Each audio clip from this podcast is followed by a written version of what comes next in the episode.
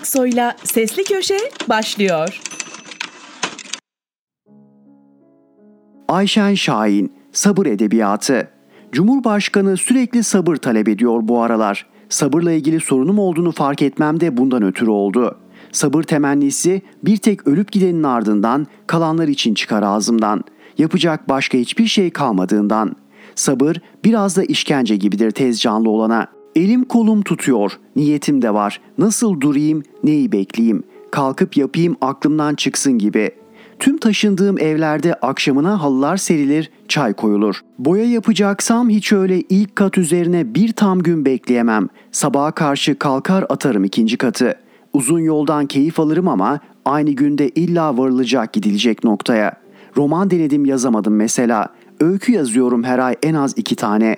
Sabredemiyorum aklımdaki hemen hayata geçmeyince. Sabrın kökenine baktım. Arapça şabrdan geliyormuş. Tahammül, katlanmak, başa gelen haksızlığa, zulme ses çıkarmadan beklemek. Tevekkeli sabırsızız çoğumuz. Katlanmak mı? O niye? Wikipedia daha şık açıklamış.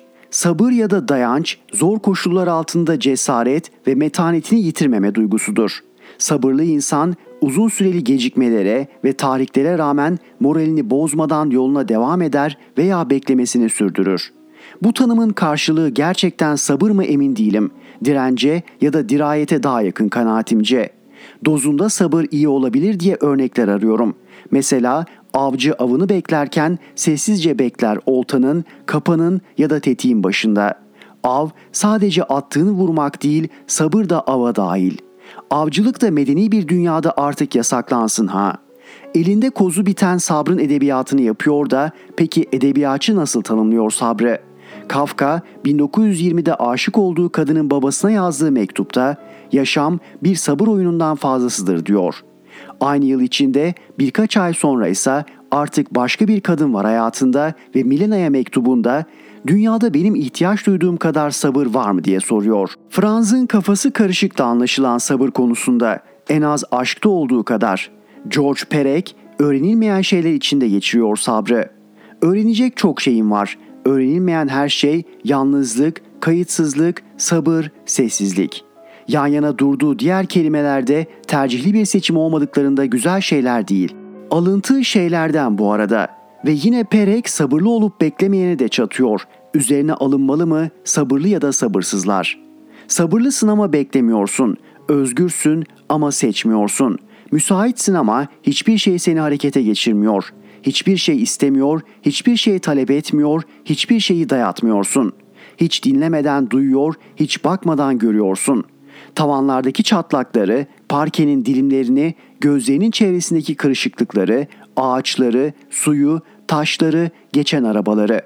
Artık tükenmez olanın içinde yaşıyorsun. Her bir gün ses ve sessizliklerden, ışık ve karanlıklardan, yoğunluklardan, bekleyişlerden, ürpermelerden oluşuyor.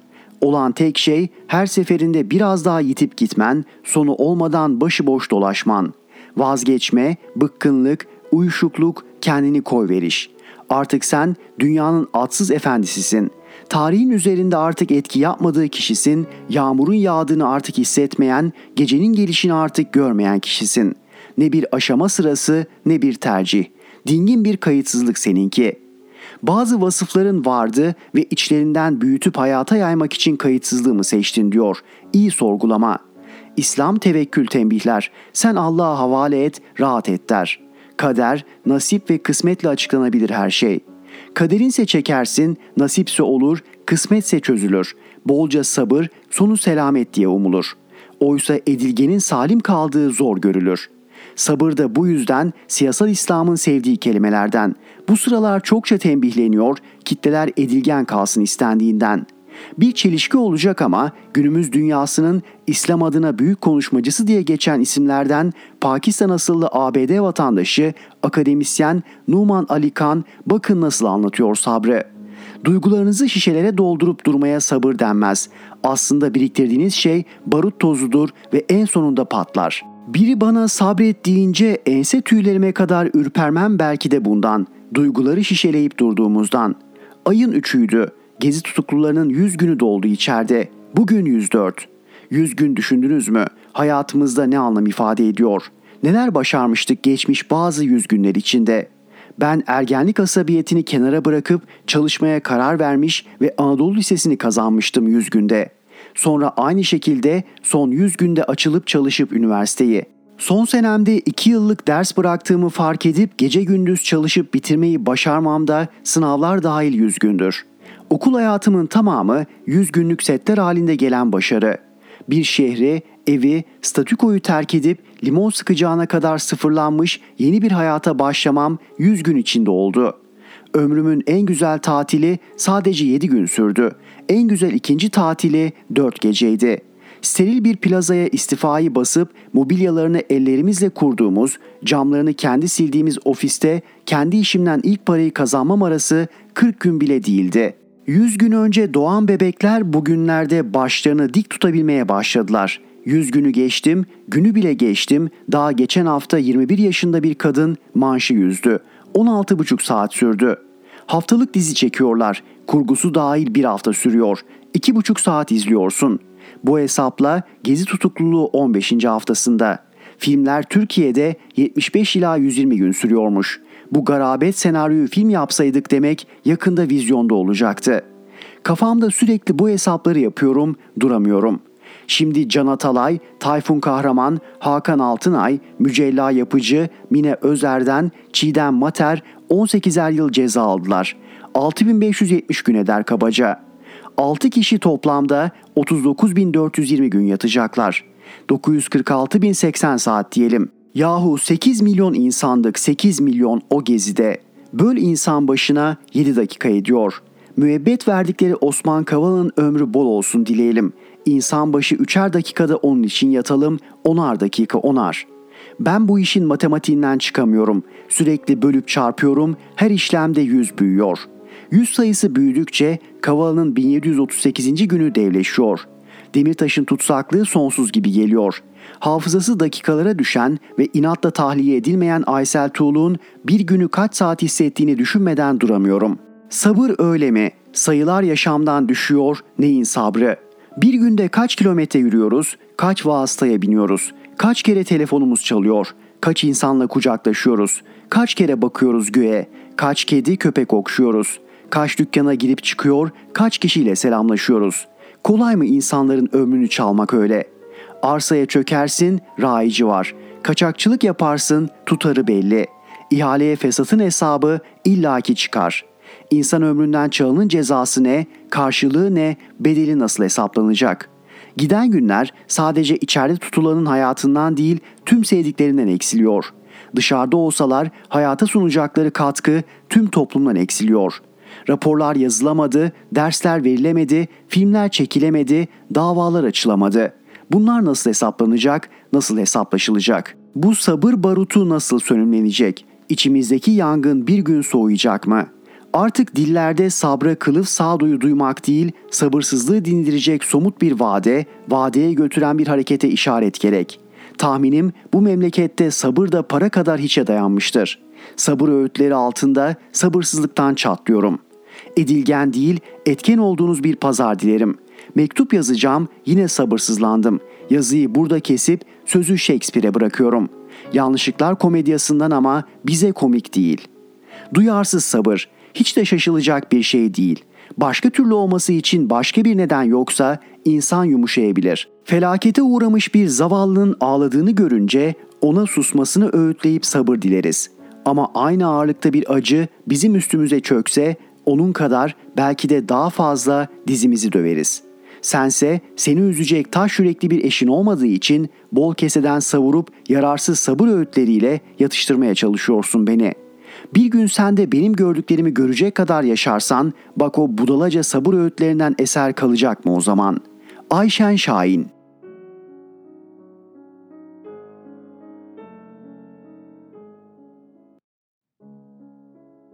Fatih Altaylı Terakki var da sebebi ne? Habertürk gazetesini 2009 yılında yayın hayatına sokmuştuk. 400 binleri aşan tirajıyla hızla Türkiye'nin en büyük gazeteleri arasına girmişti. Gazete yayın hayatı boyunca bazı haberlerini sık sık tekrarladı. Bunların başında ÖSYM ve sınav sahtekarlıkları ile ilgili haberler geliyordu.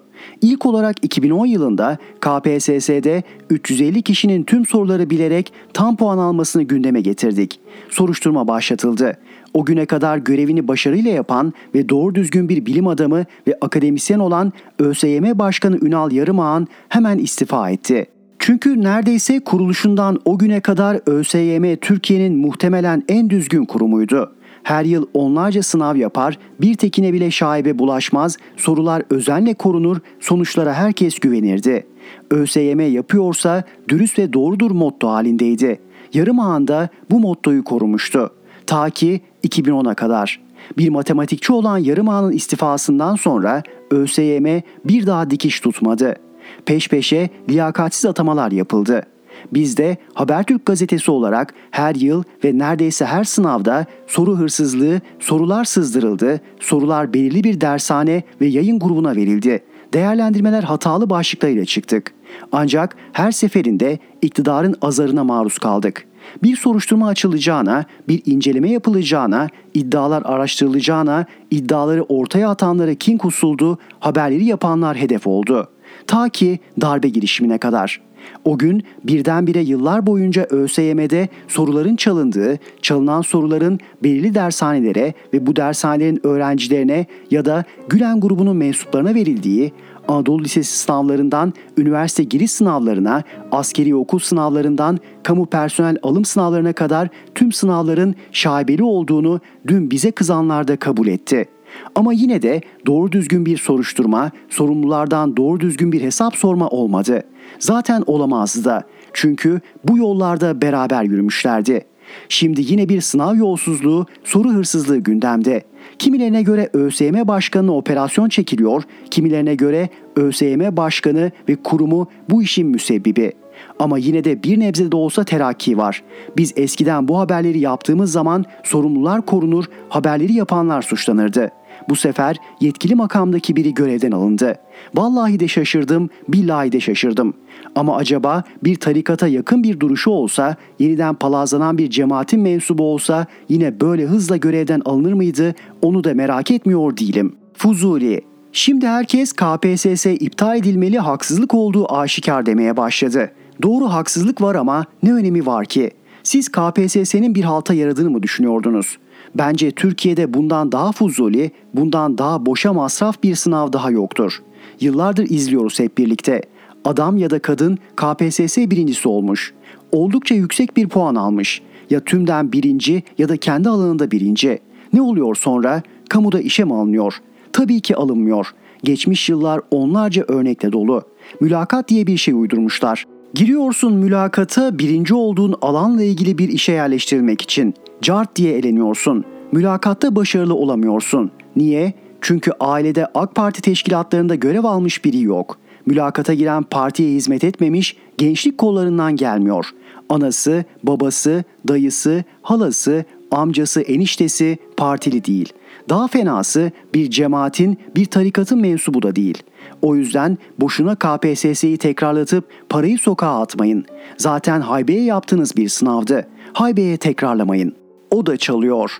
İktidarı desteklediği ve çalıyorlarsa çalıyorlar. Ne var yani ben de çalıyorum diyen samimi seçmenin sözleri tartışılmaya devam ediyor. Bu vatandaş benim yıllardır söylediğim bir şeyin ne kadar haklı olduğunu ortaya çıkarıyor.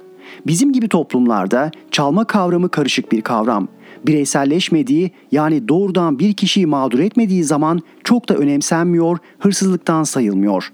Ve aslında kızılan kızandan daha fazla çalabilen oluyor. 1 lira çalan 5 lira çalana kızıyor. 5 lira çalan 50 lira çalana kızıyor. Yönetici sınıfta ise miktar değil paylaştırma önemli olmaya başlıyor. Aslında bu toplumsal bir gelenek. Ben de çalıyorum diyen kişinin Müslüman kimliğinin görünür olması ise sen nasıl Müslümansın eleştirilerini de beraberinde getiriyor. Ama burada anlaşılmayan Arap geleneğinden de kaynaklanan nedenlerle İslam fıkhının hırsızlık konusunda çok da net olmaması, yani neyin hırsızlık sayıldığı meselesinde oldukça tartışmalı bir hal bulunması. Çok derin araştırmalar yapmanıza gerek yok. İslam Ansiklopedisi'nin ilgili maddesine bakmak bile bu kafa karışıklığı ile ilgili epey bir fikir verecektir size. İslamiyet öncesi Hicaz Arap toplumlarında hırsızlığın düzenli bir takibata ve cezalandırmaya maruz kalmadığını yazar kaynaklar. Hatta başka kabilelerden yapılan hırsızlığı güç ve cesaret sembolü olarak görür Araplar. Hırsızın sosyal konumu ve kabilesinin gücü de cezalandırmada önemli farklar doğurur diye de belirtir. Sizlerin İslami zannettiğiniz el kesme gibi ağır cezalarda aslında cahili olarak nitelenen İslam öncesi Arap toplumunun örfi cezalarındandır. O yüzden ben de çalıyorum ne var yani diyen adam aslında sadece bir ayna tutmaktadır. Duruma anlam vermekte zorlanan ve ben çalmıyorum, vergi de çalmıyorum, hakkım olmayana da el uzatmıyorum diyen evrensel manada namuslu ve edepli insanların durumu çözümlemesine yardım etmekte bir anlamda tüyo vermektedir. Neyle karşı karşıya olduğumuzun aynasıdır. Depp o parayı almalı mı? Johnny Depp'in eski eşi Amber Heard'le olan davasını pek çoğumuz dizi film gibi izledik. Depp bu davayı Amber Heard'ün itiraflarıyla lekelenen onurunu kurtarmak için açtığını söyledi hep. Çünkü Heard'ün ortaya koyduğu Depp profili kadınlara şiddet uygulayan uyuşturucu müptelası rezil bir adam imajıydı. Bu da Depp'in toplum dışına itilmesi, işsiz kalmasıyla sonuçlanan bir süreci tetiklemişti. Depp öyle biri olmadığını ispatlama peşine düşmüştü haklı olarak. Nitekim mahkeme Depp'in lehine sonuçlandı. Amber Heard'ün eski eşini yalanlarla karalayan çok da düzgün bir kişilik olmadığına inandı mahkeme jürisi. Depp aklandı. Heard 15 milyon dolar tazminata mahkum oldu. Ve şimdi Heard bu parayı bulmakta zorlanıyor. Evini barkını satıyor yine de yetmiyor. Bence şimdi Johnny Depp'in yapması gereken bu parayı almayacağını söylemesi. Bir anlamda en azından maddi olarak Amber Heard'ü affetmesi. Ben olsam öyle yapardım. Siz ne dersiniz? Ne zaman insan oluruz? İlkel toplumlar sondaki L harfinin sonuna i koymayı becerdiği zaman. Fatih Altaylı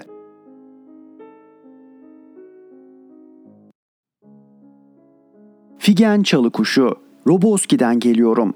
Hala gözümün önündedir Roboski. Roboski'nin hüzün anıtları gibi duran o sessiz insanları. Kemal Kılıçdaroğlu 34 insanımızın katledildiği Roboski'yi ziyaret etti ve ziyareti kadar önemli şu cümleleri işittik kendisinden. Acılarımızla yüzleşerek iyileşebiliriz. Yaralarımızı ancak bu sayede sarabiliriz. Artık geçmişte yaşamak istemiyorsak, önümüze bakmak istiyorsak bu ülkedeki tüm açık yaraları kapatmamız şarttır. Söz verdim aydınlatacağım ve helalleşmek için bir daha geleceğim.'' Evet, bu ülkenin kanayan açık yaraları var, karanlıkta kalan pek çok sırları var. Açık yaraların kapatılması ve karanlıkların aydınlatılması artık bizim beka sorunumuzdur. Bu nedenle seçim yaklaşırken iktidar karşısında alternatif olan altılı masanın ve diğer partilerle demokratik güçlerin tarihi görev ve sorumlulukları var. Ne yazık ki hiçbir zaman nitelikli bir demokrasimiz olamadı. Toplum birey olma bilinci ve demokratik kültürle şekillendirilmedi.'' Atatürk'ün işaret ettiği muasır medeniyet ülkeler ligine çıkamadık ve ülke kanemen özgürlüğümüzü refahımızı çalan daha da beteri can alan canavarın elinden kurtulamadı. Kirlilik çukurundan çıkamadı. İşte bu nedenle altılı masada masa dışındaki partiler ve HDP'de ve tüm demokratik güçlerin hep birlikte hareket ederek seçimde değişimi gerçekleştirmek zorunda oldukları açık.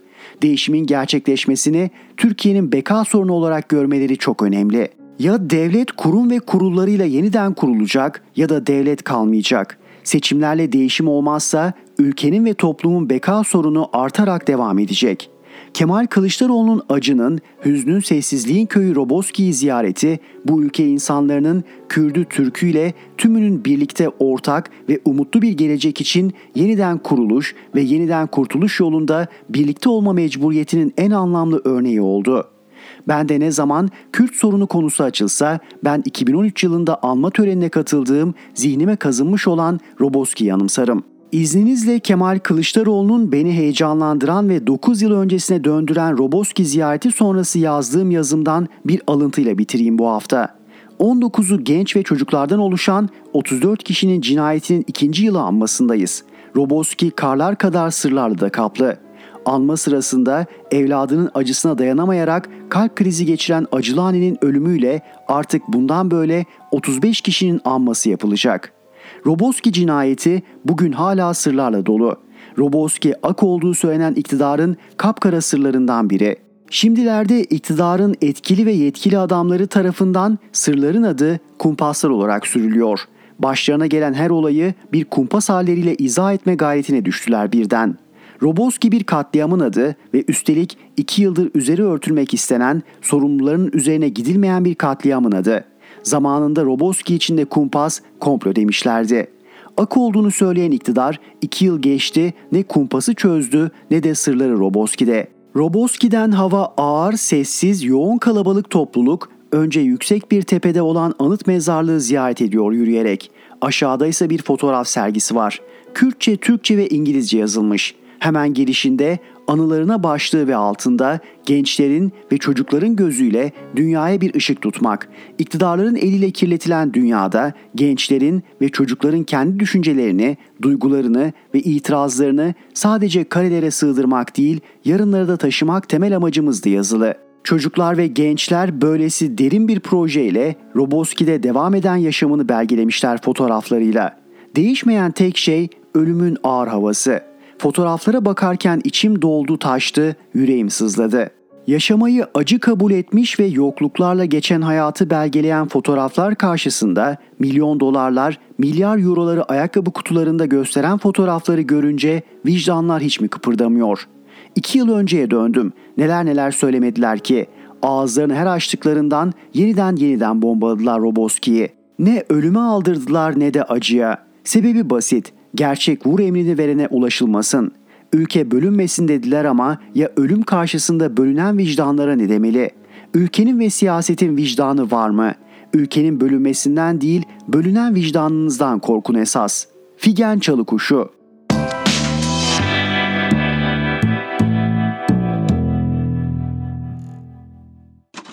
Erhan Gökayaksoy'la Sesli Köşe devam ediyor.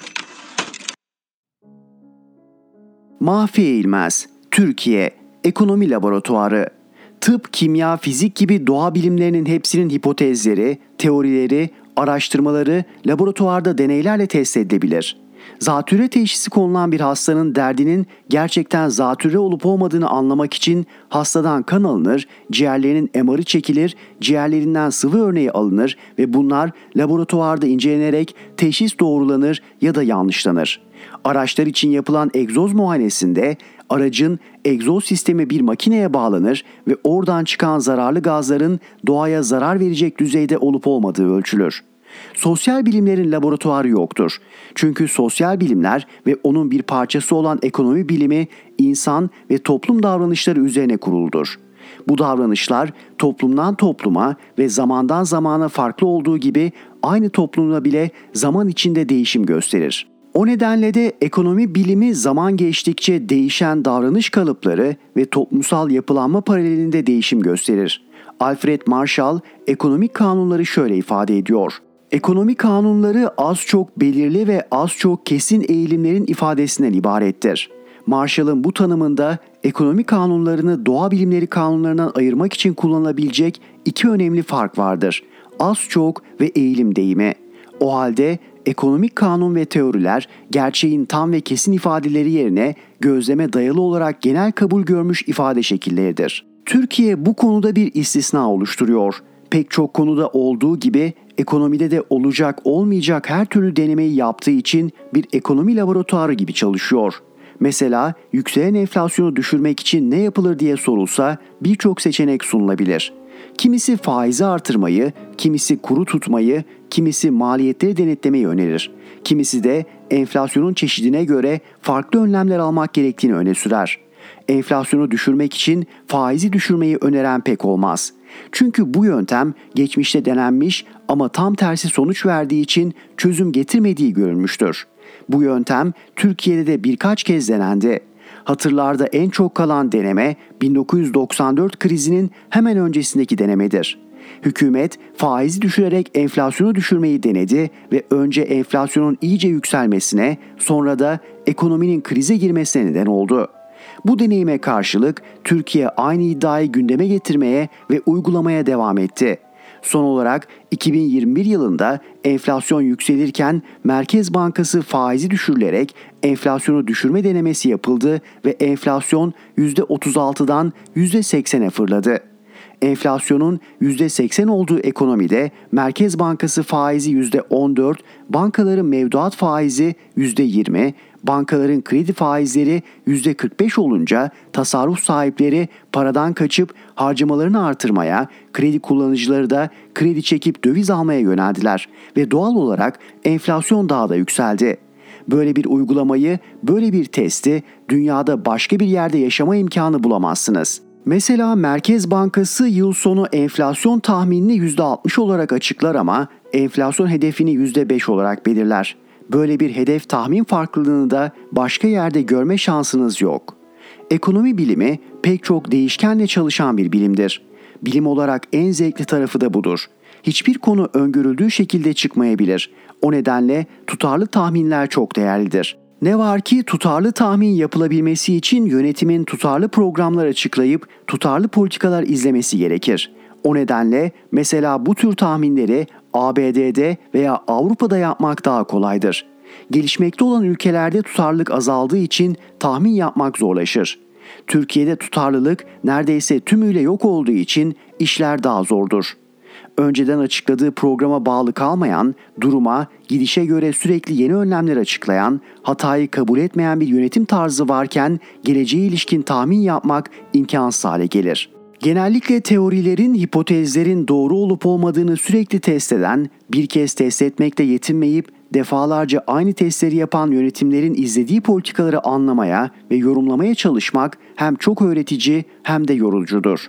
Bazen Finlandiya'da iktisatçı olsaydım ne yapardım diye düşünürüm. Sıkıntıdan patlardım herhalde. Ayda bir açıklanacak enflasyon verisi ya da işsizlik verisi, 3 ayda bir açıklanacak büyüme verisini beklerdim.'' Her hafta yazacak bir konu bulamaz, ülkeyi bırakır dünyaya bakardım herhalde. Türkiye'de bazen günde 3 yazı yazacak malzeme çıkıyor. Ekonomi okuyacak öğrencilere önerim ekonomiyi enine boyuna öğrenmeye çalışmalarıdır. Bir yandan okulda okutulanları çalışırken bir yandan ek okumalar yapmak, medyayı izlemek gerekir. Yönetimin açıkladığı önlemleri kitaplarda yazılanlarla karşılaştırmak ve nerede hata yapıldığını görmeye çalışmak çok eğitici olacaktır analiz yapmayı öğrenen bir iktisatçı Türkiye'de kesinlikle çok öne çıkar. Ama analiz yapabilen bir iktisatçı olmak için çok çalışmak ve çok okumak gerekiyor.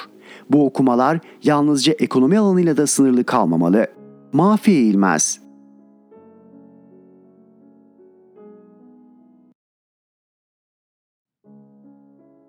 Mehmet Ali Güller, Tarikat Siyaset Sınav Sınav yolsuzluğu FETÖ'ye özgü bir durum değildir genel bir AKP dönemi uygulamasıdır. Çünkü tarikatlar ve cemaatler siyasetin korunaklı gölgesinde sınavlar üzerinden kendi gençlerini devlete yerleştirme yarışındalar.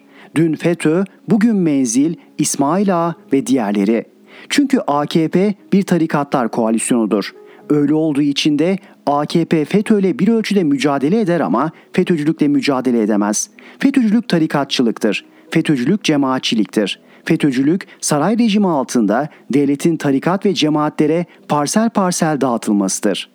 20 yılda öyle bir rejim inşa ettiler ki devletin bakanlıklarından başkanlıklarına, müdürlüklerinden dairelerine kadar hemen her taraf tarikatlar ve cemaatler tarafından paylaşılmaktadır. Dahası devletin kurumları tarikat ve cemaatlerin iktidar kavgalarına bile sahne olabilmektedir. Tarikat ve cemaatlerin saray rejimi altında yürüttüğü sınav yolsuzlukları geleceğe yatırımdır. Örneğin FETÖ sınav yolsuzluklarıyla adım adım Türk Silahlı Kuvvetleri içinde kuvvet biriktirdi ve işi en sonunda 15 Temmuz'da darbe girişimine götürdü. 15 Temmuz günü halka kurşun sıkan o generaller, o albaylar, o binbaşılar, o yüzbaşılar, o teğmenler FETÖ'nün sınav yolsuzluklarıyla harp okullarına girdiler, askeri öğrenci oldular.'' Harp okullarına yönetici olup kendi öğrencileri dışındaki sınavı kazananları bezdirme operasyonları yaptılar, ağır cezalar vererek o öğrencileri okullardan ayrılmaya zorladılar. Yüz kızartıcı suçlar üreterek o öğrencileri tavsiye ettiler. Öyle ki kimi dönemlerde neredeyse FETÖ'nün onayından geçmemiş askeri öğrenci kalmamıştı. İşte harp okullarına FETÖ'nün sınav yolsuzluklarıyla askeri öğrenci olarak girenler TSK içinde siyasetin desteğiyle adım adım yükseldiler. Kritik köşeleri tuttular, kendilerine arkadan gelenlere yer açmak için kumpaslarla TSK'nın Atatürkçü subaylarını tasfiye ettirdiler. Yeri gelmişken anımsatalım. Askeri öğrenciler 15 Temmuz'da emre uydular, o nedenle masumlar diyerek yürütülen siyasi kampanya tam bir tezgahtır. O askeri öğrencilerin de çoğu çalınmış sorularla harp okullarına giren ve başkalarının yerini gasp eden FETÖ'cülerdir. AKP iktidarı altında 20 yıl ama 12 Eylül rejimini de sayarsak 40 yıl Türk İslam Sentezi adı altında tarikat ve cemaatler palazlandırıldı ve devletin personel ihtiyacı bu havuzdan karşılandı.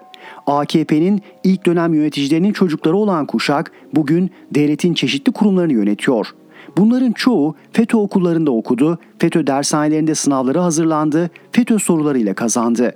Yani sınav yolsuzluklarıyla gençliğin geleceği çalındı. Onlar işsiz kaldı ama siyasetin korunaklı gölgesinde tarikat ve cemaat sorularıyla yükselenler 3-5 maaşa konarak sınıf atladı. En birikimli akademisyenler yerlerinde bekletilirken ya da çok bekletilerek tavsiye edilirken tarikat ve cemaat bağlantılılar yükseltildi. Bilimi izleyen doktorlara tarikat ve cemaat bağlantılı falcılar, büyücüler amir yapıldı. Rejimin giderlerse gitsinler demesi boşuna değil. İnadına kalmalılar ve mücadele etmeliler. Sonuç olarak gençlerimizin geleceği tarikat ve cemaatlerin devleti ele geçirme yarışı sebebiyle çalınmakta ve karartılmaktadır. Çünkü tarikat ve cemaatlerin varlık gerekçesi dindar nesil yetiştirmek değil, dinci nesil yetiştirmektir. Mürit artırarak önce toplum hayatında sonra devlet içinde iktidar odakları kurmaktır. Görüldüğü gibi laiklik sadece 15 Temmuz'un panzehri değil, sınav yolsuzluklarında panzehridir. Biliyoruz ki Türkiye Cumhuriyeti şeyhler, dervişler, müritler, mensuplar memleketi olamaz. En doğru, en gerçek yol uygarlık yoldur. Mehmet Ali Güller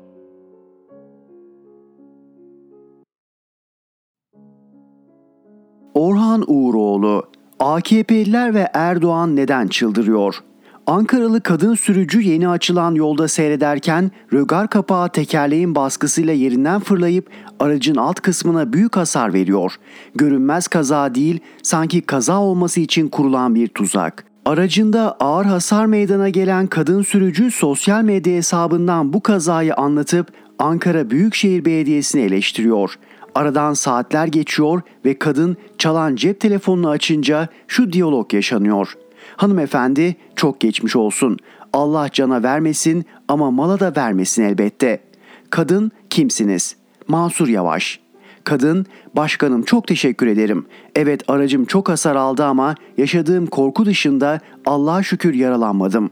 Aracınızın hasarı için derhal belediyemize bir dilekçeyle başvurun ve kaza raporunu da ekleyin lütfen. Mansur Başkan kaza geçiren kadın sürücünün aracında meydana gelen hasarı yol yapımını üstlenen firmaya kuruşuna kadar ödettiriyor. Bravo Mansur Yavaş. Yavaş denilince elbette aklınıza hemen Cumhurbaşkanlığı adaylığı konusu da gelir elbette.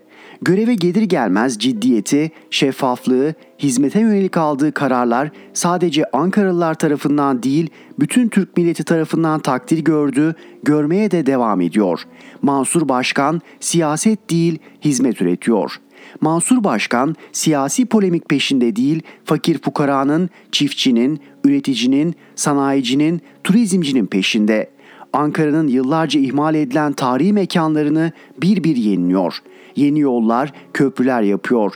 Otobüs filosunu yeni araçlarla güçlendiriyor. Belediye meclisinin AKP ve MHP'li üyelerinin tüm engellemelerine karşın başarıyla Ankaralılara hizmet ediyor. İşte gönülleri kazanmasının en büyük sırrı da burada yatıyor. Yaptığı milyonlarca liralık sosyal yardımlarını reklam aracı olarak kullanmaması Mansur Başkan'ın en çarpıcı ve olumlu yönü. 7'den 70'e Türkiye'nin her köşesinde Mansur Başkan adı işte bu mütevazı duruşu sayesinde efsaneleşiyor. Değerli okurlarım, gelelim İstanbul'a. İstanbul Büyükşehir Belediye Başkanı Ekrem İmamoğlu daha hızlı koşacağız, daha çok çalışacağız, daha çok şey yapacağız. 150 günde 150 proje maratonu başladı açıklaması yaptı. İstanbul trafiğinin en önemli yükünü çeken metrobüs hattının asfalt yolunun sökülerek Beyaz Yol adı altında beton yol yapılmasına ilişkin videoyu İmamoğlu'nun sosyal medya paylaşımından izledim. Çok önemli bir değişiklik gerçekten. İmamoğlu metrobüs yolu devamlı bozuluyordu.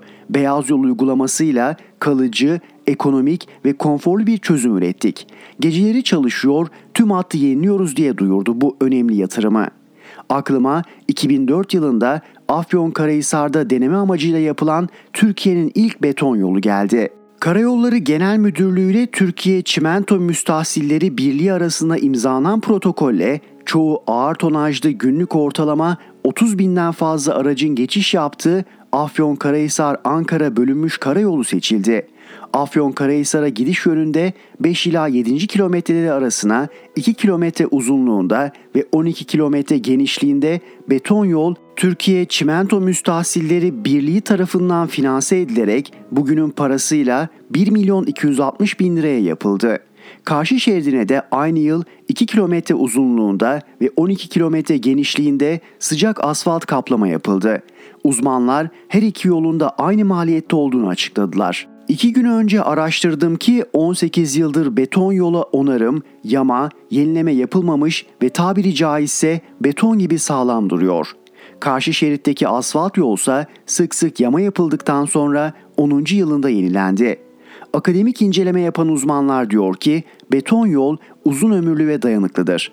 Beyaz renkli olmasından dolayı gece konforlu bir yolculuk sunar. Beton yolda araçların daha iyi yol tutuşları olur. Daha az yakıt tüketilir. Beton yol kullanım ömrü asfalttan daha uzundur. Ömrü dolana kadar ilk senenin konforunu korur. Asfaltın petrol ürünü olarak dövize endeksli maliyeti vardır. Beton %100 yerlidir.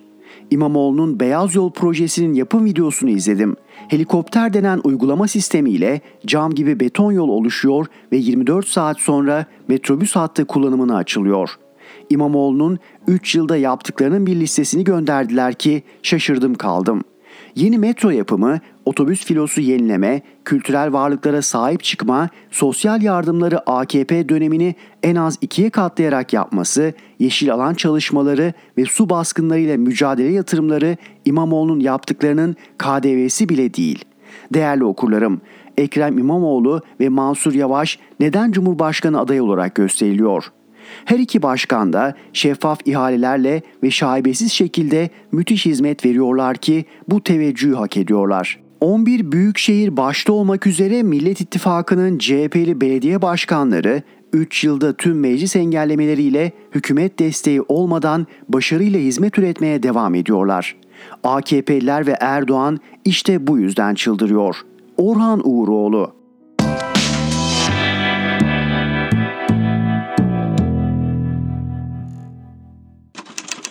Erhan Gökayaksoy'la Sesli Köşe devam ediyor. Özdemir İnce, İmam Mustafa Demirkan'a dair Muhabir arkadaşımız Sefa Uyar'ın 25 Ağustos 2021 tarihli Cumhuriyet'te yayınlanan yazısını anımsamanın, anımsatmanın tam sırası. Diyanet'ten Atatürk'e hakaret eden Mustafa Demirkan'a ilişkin açıklama yapıldı. Diyanet, Ayasofya'da Erdoğan'ın gözü önünde Atatürk'e lanet okuyan Mustafa Demirkan'a ilişkin 3 ay sonra kurumla bağ olmadığı için yapılacak işlem yok dedi.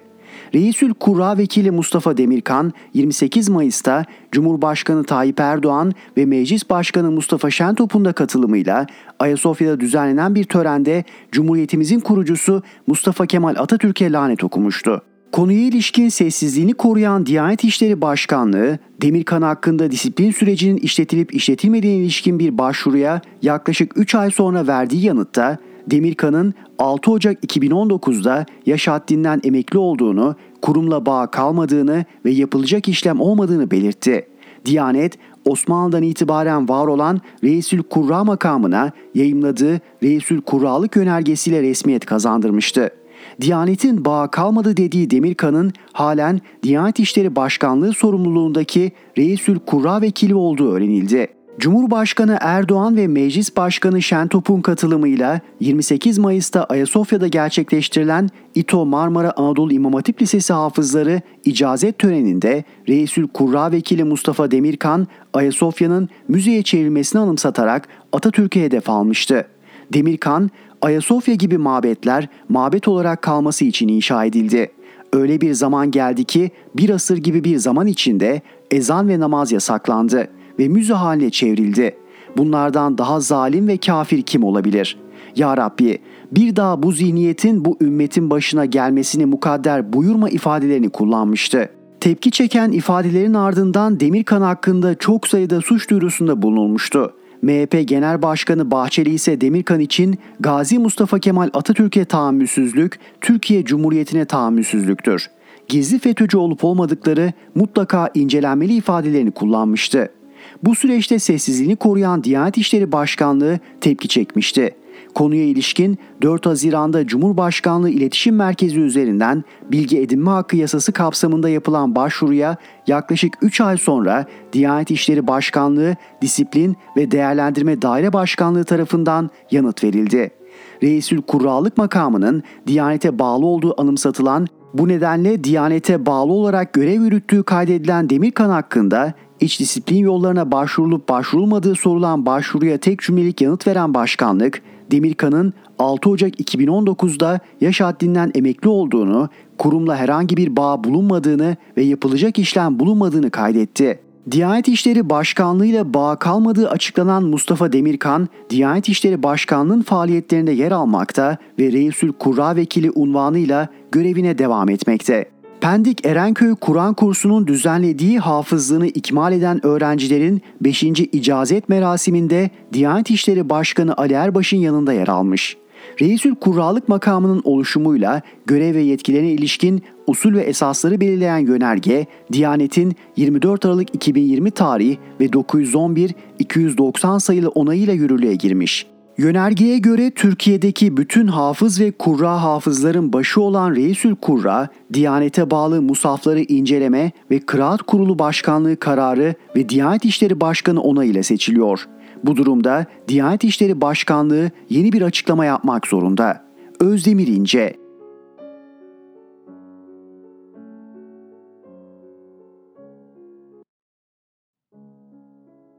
Rifat Serdaroğlu Türkiye'nin devlet insanına ihtiyacı var. Evet, gerçek devlet insanına ihtiyacımız var. Çünkü Cumhuriyet tarihimizde şimdiye kadar uğradığımız en güçlü saldırıyı yaşadık, yaşıyoruz. Cumhuriyetimizin tüm kurumları, anayasamızın değiştirilemez maddeleri, Atatürk ilke ve devrimleri yani Türkiye Cumhuriyeti Devleti çok tahrip edildi. Türk devletinde yeniden Atatürk ilke ve devrimlerin hakim olmasını istiyorsak ne dediğini ne yapacağını bilen, bir tarafı onarırken diğer tarafı yıkmayan, herkesi kucaklayan itibarlı devlet insanlarına çok ihtiyacımız var. Ana Muhalefet Partisi CHP Genel Başkanı ve Altılı İttifak'ın kaptanı Kılıçdaroğlu kimin aklına uyduysa helalleşme turlarına başladı. Elbette ki bu onun tasarrufudur. Fakat Kılıçdaroğlu önce kendi partisiyle helalleşmeli ve CHP programını değiştirmelidir. Neden mi? Anlatalım. Kılıçdaroğlu önce Diyarbakır'a helalleşmeye gitti. Türkiye'ye Öcalan'ın heykelini dikeceğiz diyen Demirtaş'ın babasını ziyaret edip helallik istedi. Ülkemizdeki hukuksuzluğun sonucu haksız yere cezaevinde yatan çok insanımız var. Demirtaş bunlardan biri olabilir. Hukuksuzluğa işaret etmek ve düzeltilmesini istemek başka, bu ülkede şehitlerimiz, gazilerimizle birlikte 54 bin insanımızın hayatını çalan bir katilin heykelini dikmek isteyen bir siyasetçinin babasını ziyaret etmek bambaşka bir şeydir.'' Vatan uğruna şehit ve gazi olmuş asker, polis, sivil insanlarımızın yakınlarının, sevdiklerinin, çocuklarının bu ziyareti nasıl karşılayacakları bilinmiyor mu? Bu yapılan helalleşme değil, doğrudan yaraya tuz basmaktır.'' Kemal Bey daha sonra 28 Şubat 1997'de başörtüsü yüzünden işinden olmuş bir öğretmeni ziyaret edip helalleşti. Kemal Bey 28 Şubat'ta kendisinin de mağdur olduğunu, fişlendiğini ve yargıya müracaat edip hakkını aradığını söyledi. Türkiye o zaman bir hukuk devletiydi. 28 Şubat Türk Devleti'nin anayasal kurumları eliyle kendini irticaya karşı koruma girişimidir. Kemal Bey 28 Şubat'ta hakkında mahkeme kararı olmadan tek kişinin işine son verilmediğini bilmiyor mu? Şimdi ikna odalarından şikayet eden Kemal Bey, Anayasa Mahkemesi'nin başörtüsü yasağı ile ilgili kararından habersiz miydi? İkna odaları kurmakla suçladığı rektör yardımcısı CHP milletvekili değil miydi? Öğretim üyeleri ne yapacaktı ki? Anayasa Mahkemesi kararına karşı mı çıkacaklardı?'' Türkiye'de irticai yapılanmanın önünü kesmek için yapılan 8 yıllık kesintisiz eğitimde Kılıçdaroğlu'nu rahatsız mı etti? O zaman CHP'nin amblemi olan 6 oktan laiklik ilkesini çıkarması gerekmez mi? Zaten Diyanet Akademisi'ne olumlu oy vermesi, 15 Temmuz Yeni Kapı mitingine katılıp konuşma yapması CHP'nin laiklik okunu kırdığının ifadesi değil mi? Kemal Bey son olarak 28 Aralık 2011'de olan Uludere Roboski olayında ölen insanlarımızın yakınlarıyla helalleşmek için gitti. Orada iktidar olunca tekrar geleceğini ve bu olayın suçlusunu bulacağını söyledi. Tam da bir siyasetçi gibi. Kemal Bey bir devlet adamı gibi davranabilseydi şunu görecektik. Devlet adamı Türk ordusunu dolaylı da olsa suçlamaz. Çünkü Kemal Bey'in muhatabı asker değil, kendisi gibi siyasetçilerdir. Uludere olayları sırasında yaşanan can kayıplarının sorumluları şunlardır. Cumhurbaşkanı Abdullah Gül, Başbakan Erdoğan, Başbakan Yardımcısı Babacan, Dışişleri Bakanı Davutoğlu ve ülkeyi yöneten siyasi iradeye karşı tek sorumlu olan Genelkurmay Başkanı Necdet Özel. Devlet insanı siyasi sorumlulardan hesap sorar. Uludere olaylarının suçluları siyasi sorumluluk taşıyan yukarıdaki heyettir. Kemal Bey hesap soracaksa bunlardan hesap sormalıdır. Peki hesap sorabilir mi? Soramaz. Çünkü sorumlu olan heyetteki iki kişiyle altılı ittifakta ortaktır. Nasıl hesap soracak ki? Kemal Bey önce partisiyle helalleşmelidir. Bakalım gerçek CHP'liler ikna odalarından Diyanet Akademisi'ne 15 Temmuz mitinginden laiklik ilkesinin çarpıtılmasına, Yargıtay'da doğalı açılışı tepkisiz seyretmekten tarikatlar için tek söz söylememeye evrilen CHP'nin Barzani destekli Kaptan Köşkü'nün bugünkü halinden razı mıdırlar? Kemal Bey önce gerçek CHP'lilerle helalleşsin, sonra isterse İmralı'ya, isterse saraya gider helalleşir. Enflasyonumuzu da çaldılar.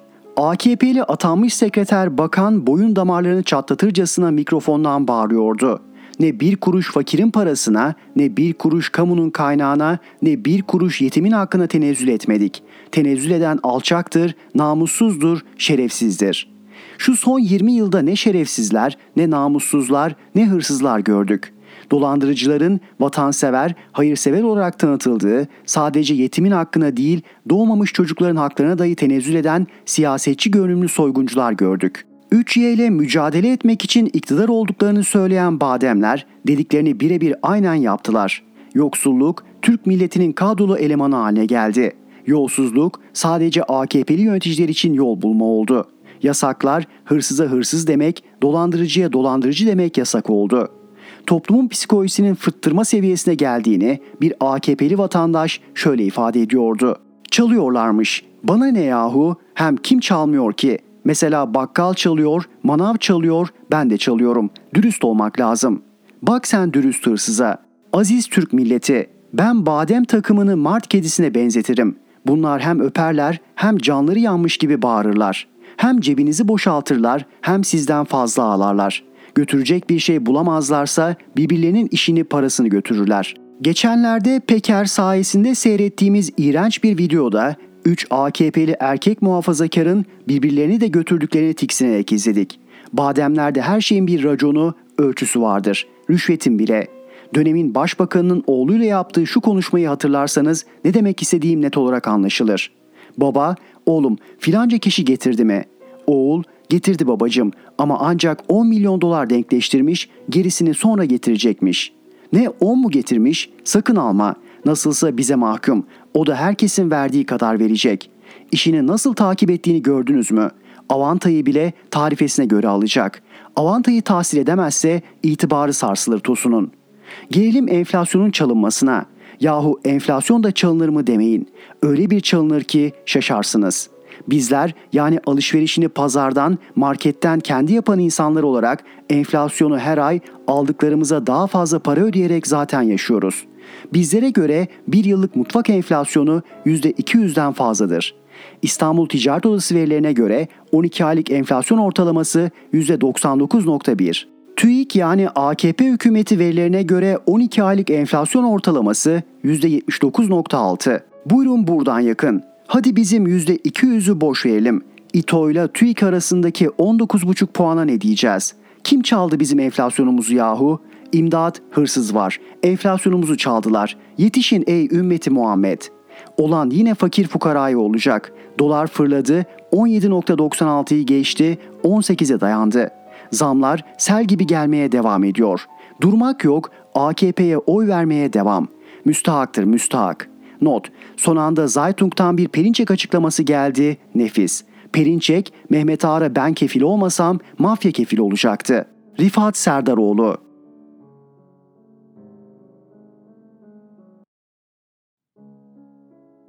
Timur Akkurt, televizyon yayıncılığı bit. Bir süre yazılarıma ara vermiştim. Biraz dinlendikten sonra kaldığımız yerden devam ediyoruz. Bir farkla artık cumartesi günleri görüşeceğiz. Yine aynı sayfalarda bundan 6-7 yıl önce yazdığım bir yazıyla ilgili tekrar yazacağım. Bir nevi karşılaştırma olacak. Özetle televizyon yayıncılığı bitiyor başlığıyla yazmıştım.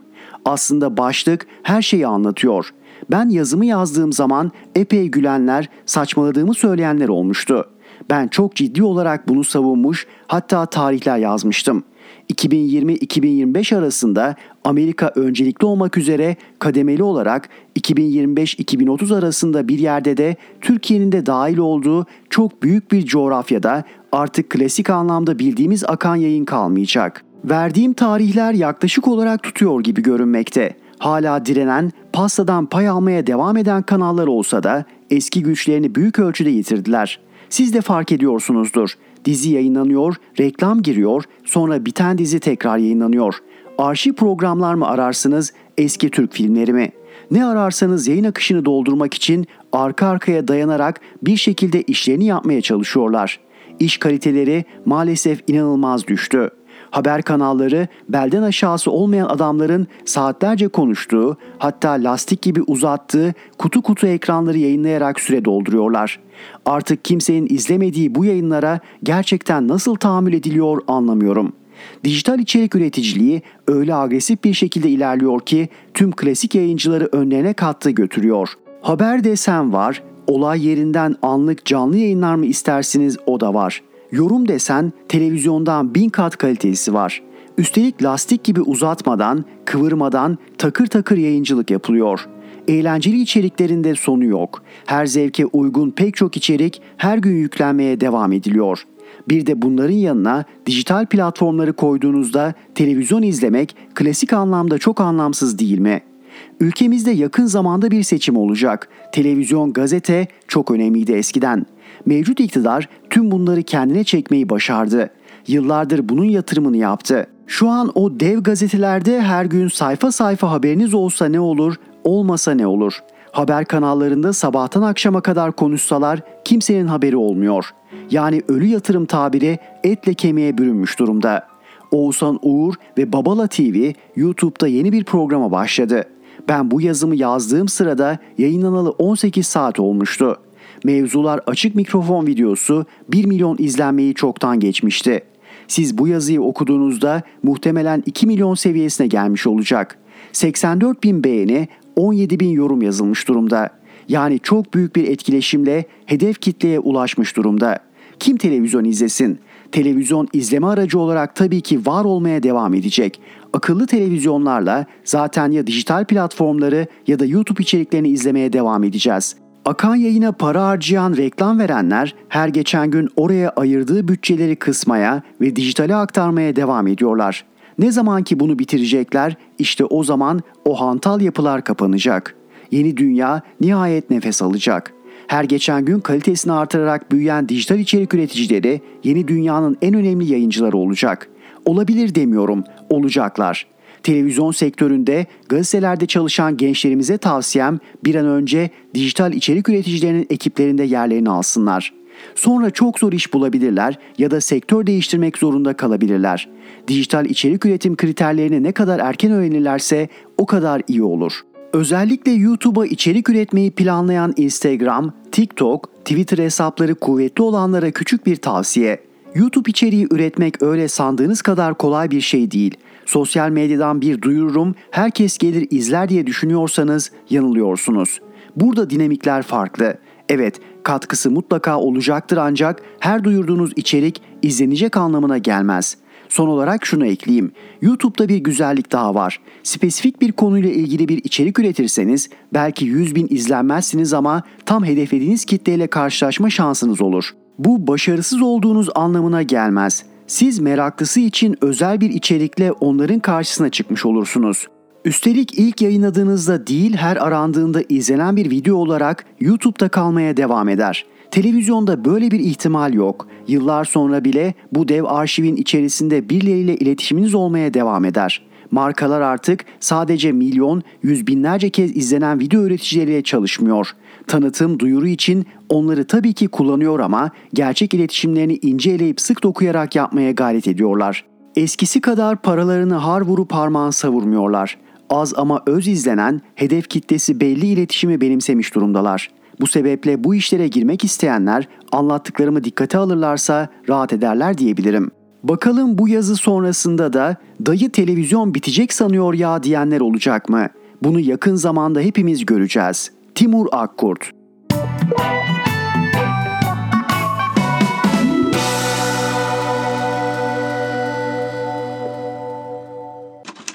Erhan Gökayaksoy'la Sesli Köşe sona erdi.